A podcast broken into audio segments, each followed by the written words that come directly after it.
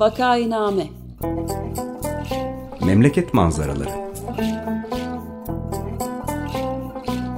Hazırlayan ve sunanlar Güven Güzeldere, Ömer Madra ve Özlem Teke.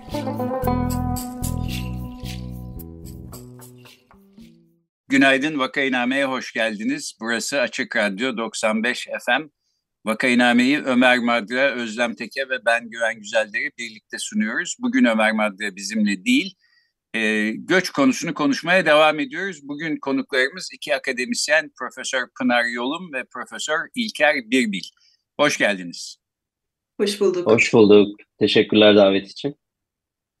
Merhabalar, ee, konuğumuz Pınar Yolum, Utrecht Üniversitesi'nde güvenilir yapay zeka alanında profesör olarak çalışmakta. Hollanda'ya taşınmadan önce 15 yıla yakın süreyle Boğaziçi Üniversitesi'nde hocalık yapmıştır. İlker Birbir ile birlikte akademik hayatı tartıştıkları Bol Bilim isimli bir platformları vardır. Ee, İlker Birbil Amsterdam Üniversitesi'nde yapay zeka ve optimizasyon alanında profesör olarak çalışmakta. Geçmişte Erasmus Üniversitesi Ekonometri bölümünde, ondan önce de Sabancı Üniversitesi Endüstri Mühendisliği bölümünde görev yapmıştır. Hoş geldiniz. Tekrar hoş bulduk. Evet, yeniden hoş geldiniz. Şimdi ben e, İlker'le de Pınar'la da çok eskiden beri arkadaş olduğumdan onlara ilk isimleriyle hitap edeceğim. Kusura bakmayın. E, yani bir laubalilik neticesinde değil.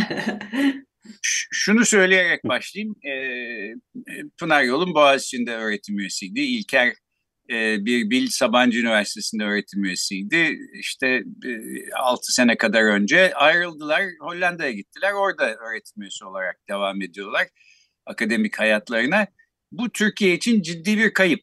Ee, yani Boğaziçi Üniversitesi içinde, Sabancı Üniversitesi içinde, e, Hollanda içinde bir kazanç oldu aslında. Ama niye oldu, nasıl oldu biraz bundan konuşalım istiyoruz. Çünkü göçmenlik hikayeleri dediğimiz zaman daha genel bir çerçevede işte hem göç, hem göçmenlik, hem göçebelik, hem mültecilik bunların hepsinden konuşuyoruz. Ve bu konunun hep iki tarafı var. Bir Türkiye'nin aldığı göç yani Türkiye'ye başka ülkelerden gelen e, ve Türkiye'de yerleşip Türkiye'de e, mülteci ya da göçmen olarak yaşayan insanlar. Bir de Türkiye'nin dışarı verdiği göç. Türkiye'den e, Avrupa ülkelerine, Amerika'ya, Kanada'ya giden insanlar. Biraz bu programda böyle zigzag çizerek gidiyoruz. Yani biraz onlardan biraz bunlardan filan bahsediyoruz ama böyle olması e, kısmen de hep aynı e, konu hep aynı çizgide ilerleyip herkesi sıkmayalım diyerek. E, şimdi gelelim bugünkü konumuza. E, İlker ve Pınar siz Türkiye'de e, öğretim üyesi olarak hayatınızı sürdürdünüz ve başka koşullar altında tahmin ederim ki işte e, öyle devam edecektiniz. Aklınızda var mıydı oldum olası sanmıyorum. Yani bir Avrupa'ya kapağı atsak da kurtulsak Türkiye'den filan diye. Fakat şartlar böyle zorladı ve e, gittiniz sonuçta. E, bu karar süreci nasıl gelişti? Biraz bundan bahsederek başlasak mı? Tabii. E, ben başlayayım istersen İlker. E, tamam. Biz bu arada e, Pınar'la aynı yerde değiliz. Ben üniversitedeyim, Pınar evde. Onun için böyle birbirimize söz vererek falan konuşacağız. Konuşalım biraz. Ee, evet. Şöyle, e, tam dediğin gibi güven e, aslında hiç aklımızda yoktu. E, e, yani e, ben ben kendi açımdan anlatayım hiç aklımda yoktu e, ve hani Boğaziçi'nde çok e, iş olarak yani Boğaziçi'nde çok e, mutlu bir akademik hayatım vardı. Onun dışında da hani sosyal hayatımızda İstanbul'da her her açıdan her şey iyi gidiyordu. Hiç hiçbir zaman da yurt dışında daha uzun süreli kalmayı düşünmüyorduk. Fakat yani Türkiye'deki politik durumların kötüye gitmesi, işte ifade özgürlüklerinin sürekli kısıtlanması,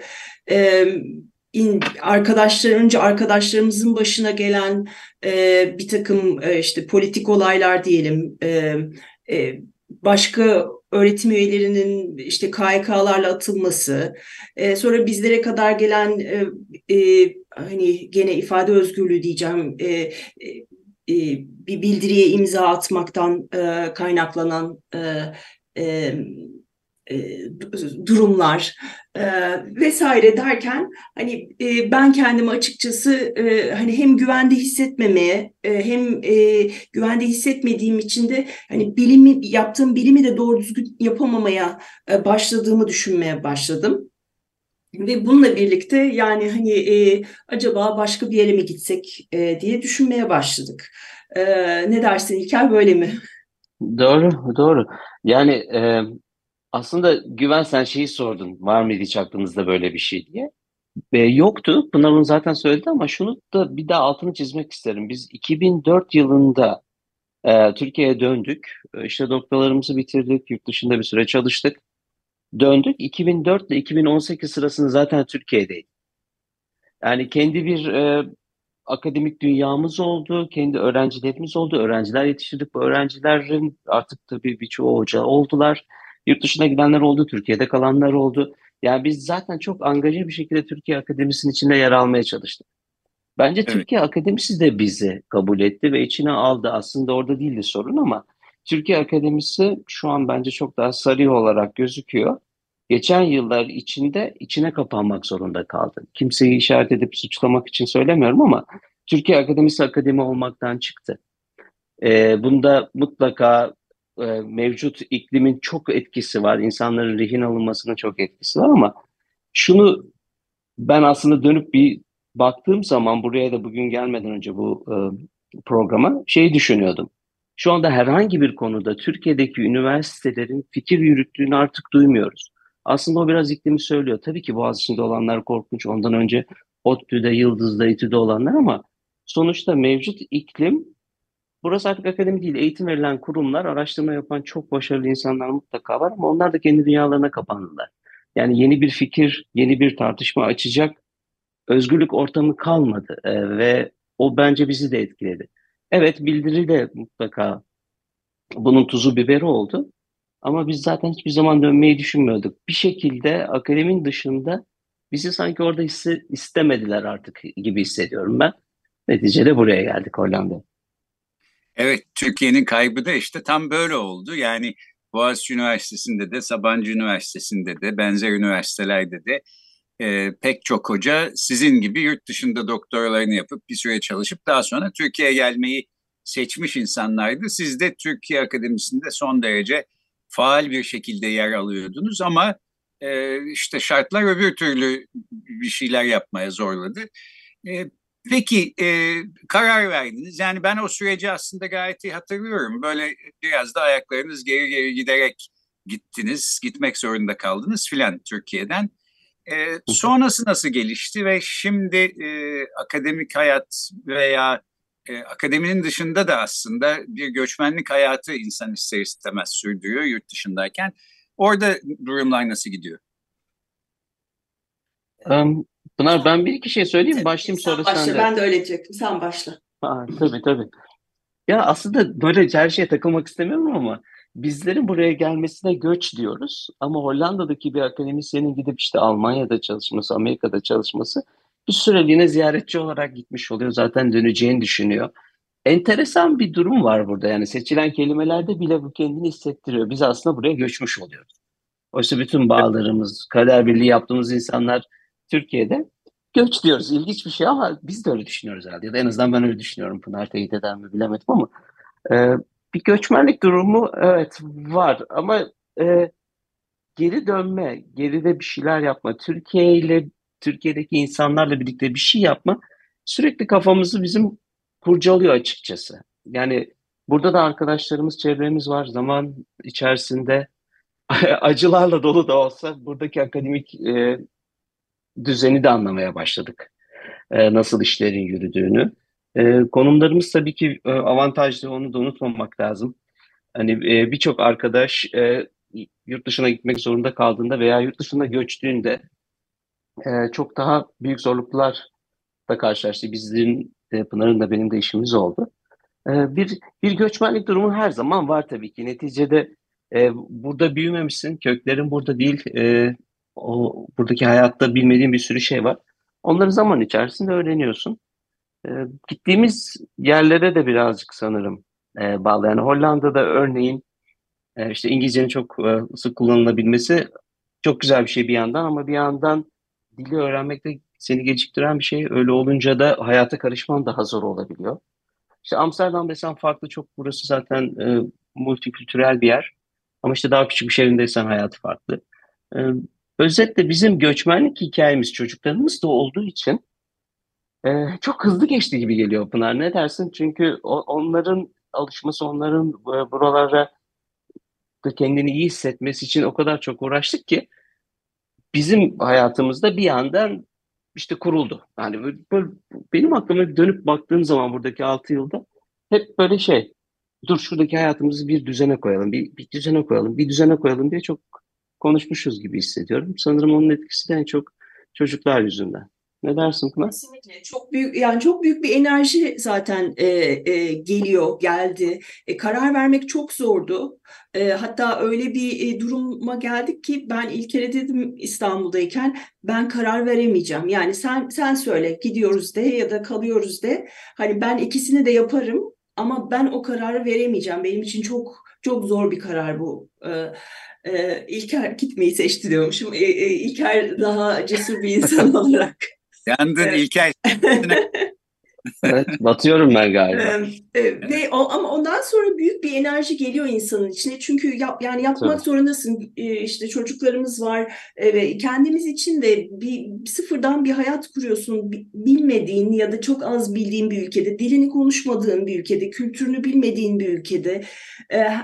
Yani ruhen e, ya da şöyle diyeyim fiziksel olarak bir ülkedesin Hollanda'dayız. Beynimiz sürekli Türkiye'de. Yani e, işte ilk sabah açtığında okuduğun haber Türkiye. Yani bundan kurtaramıyorsun yani kurtaramıyorsun da doğru bir filmi bilmiyorum ama bunu, bundan vazgeçemiyorsun öyle diyeyim. E, ve böyle bir ikili hayat sürekli. E, Türkiye'de bir şey oluyor beyninde fırtınalar kopuyor işe gidiyorsun. Öyle bir şeyden bahsediyorlar ki e, yani konsantre olamıyorsun, toparlayamıyorsun. Yani ciddi misiniz? Bunu mu konuşacağız? Yani benim ülkemde neler oluyor? E, bunlar bana çok e, hani hem bir yandan bunları yapıyorsun, buna şartlanmışsın. E, bir yandan da e, zor tabii çok e, özellikle başlarda e, her şeyi yoluna koymaya çalışırken e, daha zordu. Şimdi e, hani alıştık. E, yerleştik daha doğrusu. E, dil konusunda çok ilerledik. E, kültürü anladık. Yani kültürü anlamamanın çok büyük e, şeyleri oluyor. E, yani bir şeyler yapılıyor etrafında katılacak mıyım, katılmayacak mıyım? E, gel mi diyorlar, gelme mi diyorlar? Hani o e, nüanslar, dildeki nüansları anlamadığın zaman e, sen de doğru şeyleri yapamıyorsun. E, bütün onlar çok e, ilk etapta zorlayıcı şeylerdi. E, diğer taraftan e, biz İlker'de ben de e, Amerika'da doktoralarımızı yaptık. Daha sonra Türkiye'de çalıştığımız üniversitelerde e, Amerikan ekolüydü. Yani üniversitelerinde böyle bir ekolü vardır ya Avrupa ekolü, Amerikan ekolü. Ya biz hep Amerikan ekolünden e, gelmiş insanlarız. E, birden Avrupa ekolünde bir üniversiteye gelince ben hele yani hani ne olduğumu şaşırdım hani çok yani Boğaziçi'nde de profesördüm biliyorum. Hani her şeyi biliyorum. Öğrenciler İlker'in dediği gibi çok yetiştirmişim falan ama her şey farklı yapılıyor. Ee, her şey yeni stili farklı inanılmaz bir hiyerarşi e, bütün bunları e, anlayıp hani nerede ne söylemem gerek, nerede susman gerek, nasıl kararlar alınıyor bir üniversitede. E, Boğaziçi özellikle eski Boğaziçi e, çok demokratik bir yerdir. E, biz her komisyonda, her toplantıda bir karar alınacaksa oylanırdı mesela. E, ben Hollanda'ya geldim yani 5 yıl 6 yıl oldu daha bir kere bir oy vermedim. E, hani kim veriyor bu kararları filan. Bütün bunlar benim için çok böyle sancılı geçiş e, süreçleri oldu. E, evet ve aslında orada iki türde problem oluyor. Birincisi senin e, etrafındaki insanların e, işte söylediklerini bütün incelikleriyle anlayıp anlamaman. Bir de tabii onların seni anlayıp anlamaması. Çünkü Kesinlikle bir sürü şeyi baştan anlatman gerekiyor. Yani Türkiye'de olsa söze gireceğin bir konuda işte arka plan açıklaması yapman gerekiyor falan. İnsan bundan da bıkıyordur tahmin ederim. E, hatta şöyle bir küçük e, anekdot size aktarayım. E, bir seferinde New York'taki başkonsolosluğa gitmiştim. Orada kapıdaki güvenlik görevlisi Türk bir e, gençten bir adam vardı. Onunla konuşuyordum. Nasıl gidiyor falan dedim. Çok kötü dedi adam. Hiç alışamadım dedi. Ben buraların kültürünü de anlamıyorum. İşte dil kursuna gidiyorum her gece. Bir türlü sökemedim bu İngilizceyi falan. Ama dedi mesela biz geleli 6 ay oldu. 3 yaşındaki kızım şakır şakır İngilizce konuşur oldu. Buralı gibi oldu. Hatta bana da baba sen niye böyle komik komik konuşuyorsun? İngilizce konuşamıyorsun falan diyor. Adam çok dertleniyordu yani. Herhalde böyle biraz yaşla da alakalı bir şey olsa gerek Tabii. ve sizin çocuklarınız belki daha başka bir şekilde görüyordur. Hollanda'da e, O kesin tabii canım. Hatta onlar da bizim Hollandaca konuşmamızdan utanıyorlar. İngilizce konuşsanız da falan diyorlar. ee, yani başka bir şey söylemek isterim. Sadece akademik hayattan değil de Güven sen öz, güzel bir noktaya parmak bastın. Ya biz buralara tabii geç geldik aslında. Yani şunu söylemek istiyorum. Ben e, yani çok uzun yıllar zaten Türkiye'deydim. Okudum, sonra döndüm, 14 yıl çalıştım. Profesör oldum vesaire vesaire. E, o sırada sen çok aslında bir entelektüel çevre de oluşturuyorsun. Yani arkadaş, dost, aile çevrenin üstüne kendi profesyonel çevreni de oluşturuyorsun. Yani ben sanatçısından gazetecisine, gazetecisinden spor e, spor insanına, e, iş insanına, devletin çeşitli kademelerinde yer alan insan, bir sürü insan tanıyordum.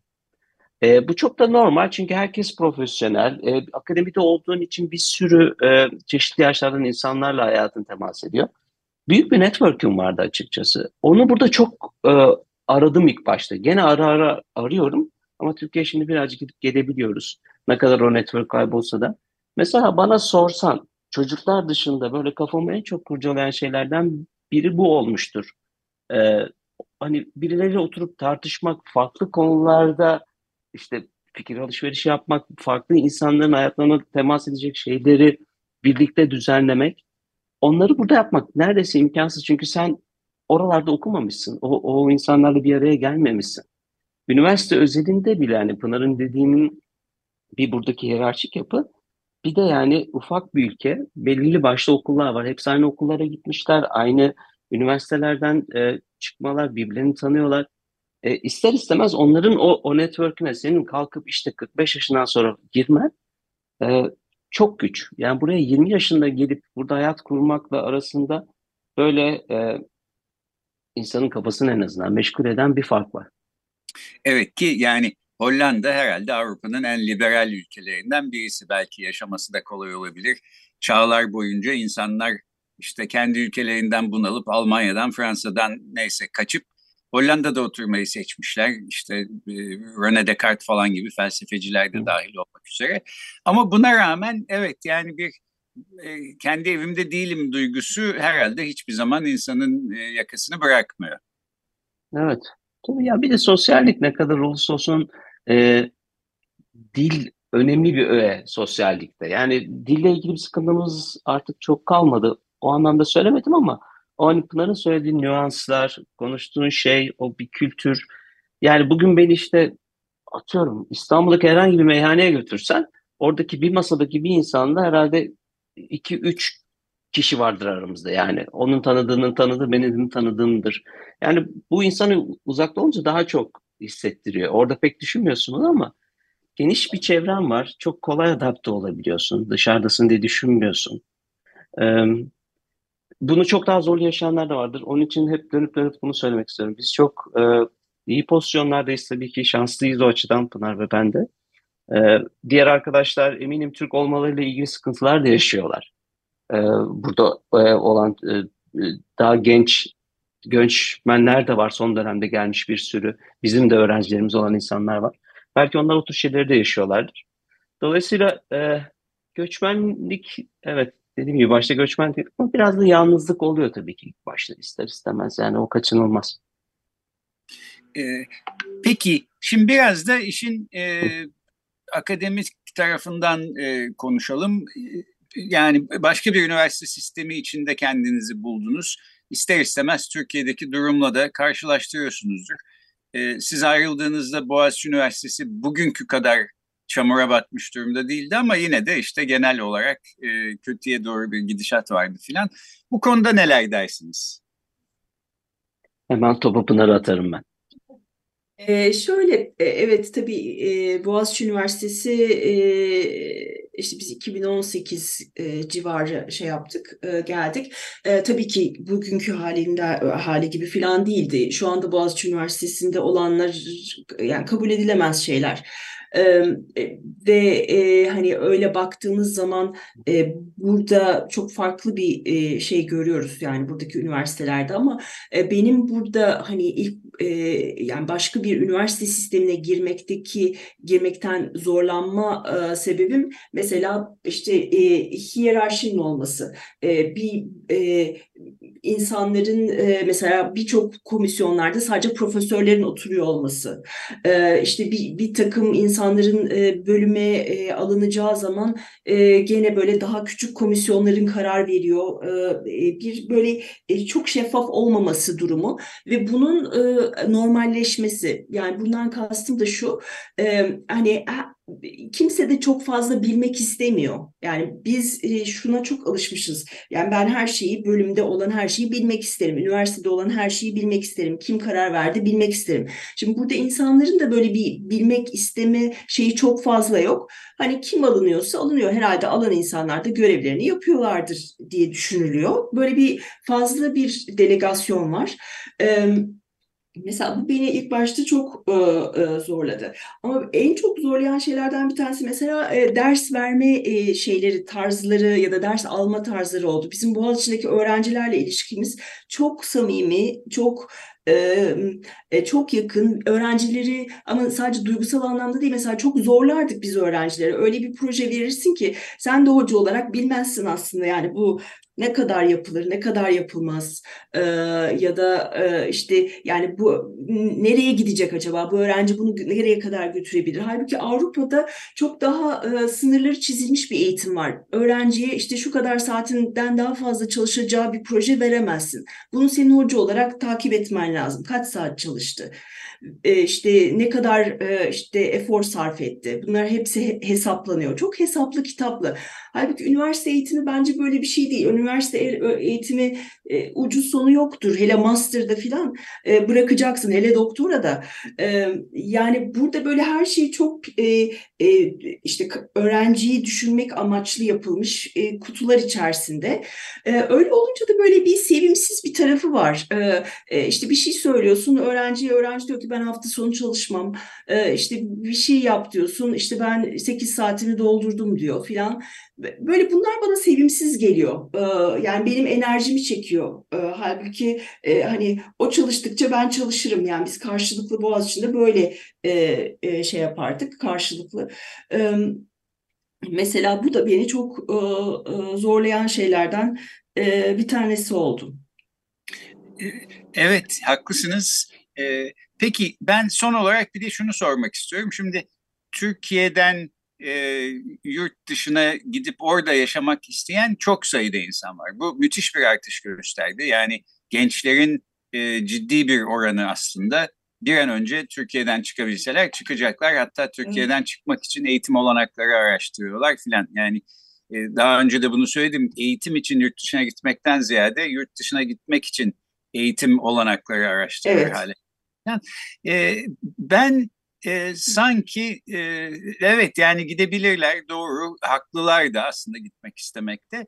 Ama e, her şey o kadar da güllük gülistanlık olmayabiliyor. İşte e, pek çok zorlukla karşı karşıya kalabilirler diye düşünüyorum ama belki bu benim e, kimlik e, konusunda e, işte e, ki muhafazakarlığımdan filan bilmiyorum. Yani gerçekten öyle mi olacak? Siz ne düşünüyorsunuz ve bu genç insanlara Türkiye'de Türkiye'den ayrılmak isteyen genç insanlara ne, ne dersiniz?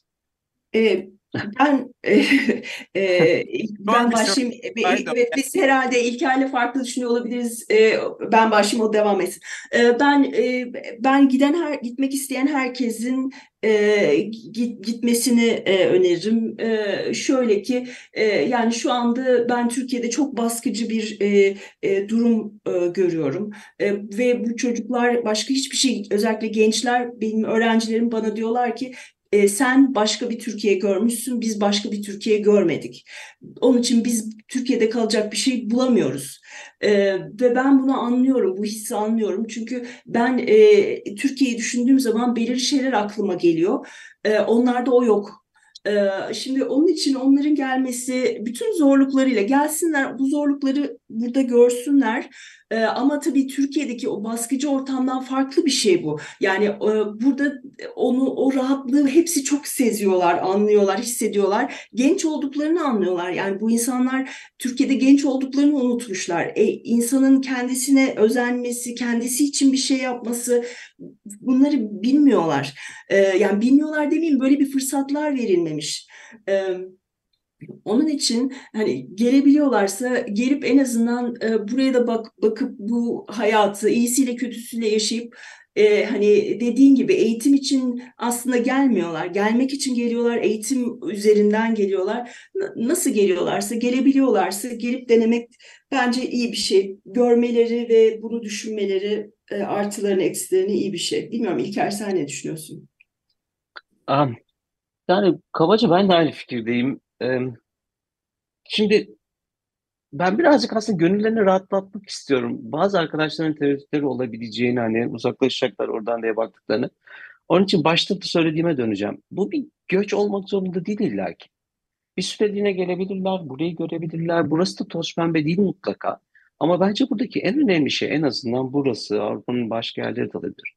Ee, daha güneye gitmiş olanlar İtalya, İspanya gidenler nefret ediyorlar oradaki bürokrasiden örneğin. Hollanda'daki insanların kendi içlerine kapalı olmasından hiç hoşlanmayanlar var. Yani bir sürü tabii ki sıkıntı var ama şey çok kritik ya. Buraya gelince belki birazcık hani bana benim haddim değil ama şuna baksınlar isterim.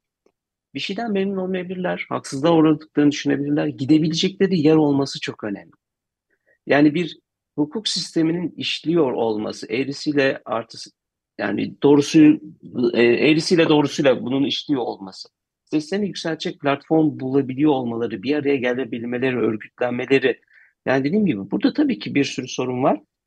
Ee, ama onları görüp belki o zaman şey diyebilir. Ya bunlar da olabilir. Türkiye'de de olacak. Çok uzakta değiliz. Şu anda çok uzakta duruyor ama bunlar hızlıca da değişebilir.